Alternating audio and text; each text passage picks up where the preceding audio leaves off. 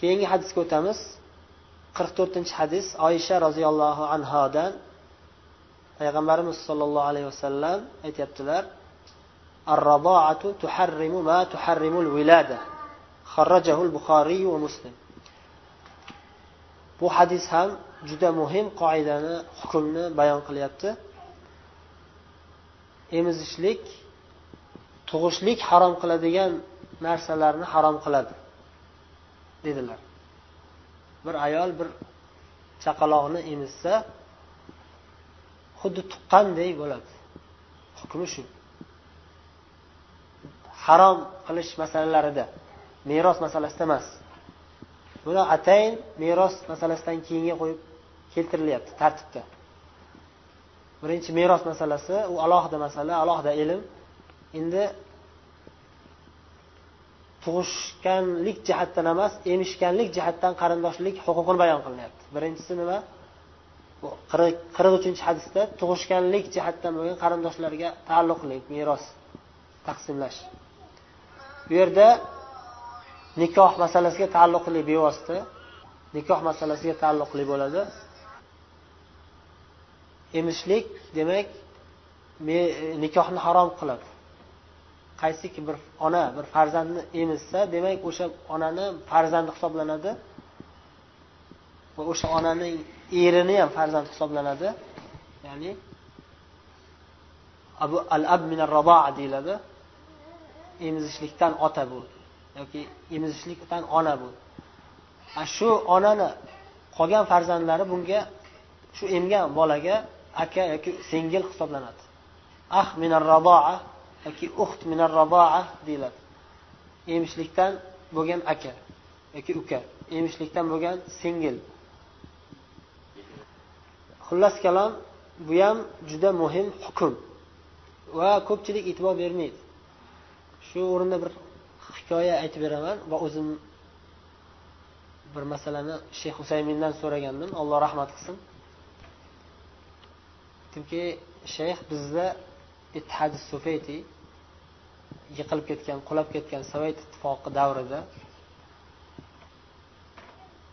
hamma onalarni sutini yig'ib turib hammasini birga qaynatib turib o'sha больницадagi hamma farzandlarga ichiradi.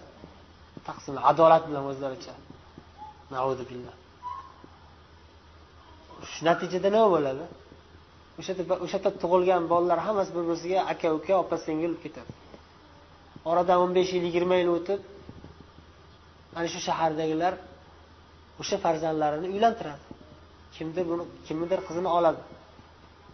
o'n besh yil o'n olti yil yigirma yil oldin bo'lgan voqealarni eslaridan chiqarib yuborishadi bilishmaydiki qarindosh bo'lib qolishgan. O'zini singlisini emishlikdan bo'lgan singlisini o'ziga xotin qilib olishga duch kelib qoladi o'zi bilmasdan. Shunday holatda nima qilishimiz kerak biz deb shayx husaymindan so'raganman. Shunda u kishi hayron boshlari qotib qolgan. Ozgina o'ylab turganlar. Keyin aytganlarki ehtiyot bobidan boshqa shahardan uylangan yaxshi. Ehtiyot bobidan boshqa mintaqadan uylangan yaxshi deganlar.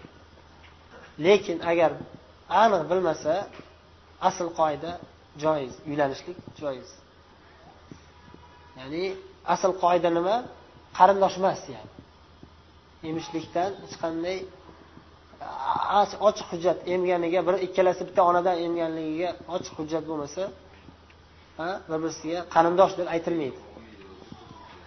Ya yana bir nuqtani eslatib qo'yishimiz kerak. Ikki yoshdan o'tmagan bo'lishi kerak.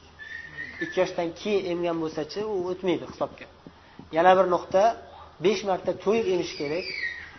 Besh marta to'yib emmagan bo'lsa u ham hisobga o'tmaydi. Bir marta emib qo'ygan bo'lsa bolani o'zidan so'raydi.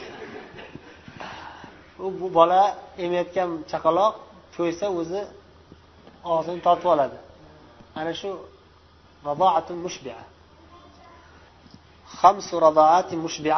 qoida shu. Besh marta to'yib emish kerak bu ya'ni to'g'rirog'i kuchliroq qavl yana ba'zi bir qavllar bor. Bir marta shunday bir hoplam emib qo'ysa ham bo'ldi degan qavul ham bor. Allohu alam. Lekin to'g'rirog'i besh marta.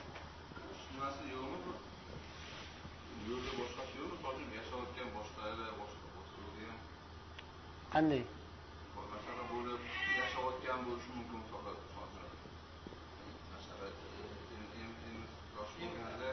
bilmagan keyin bilgan o'sha aniqlash kerakda buni onalar. Ha bitta voqea bo'lgan payg'ambarimiz sollallohu alayhi vasallam davrida bir ayol kelib er xotinga qarab bitta er xotinga qarab ikkalasini man yoshligida emizganman deydi.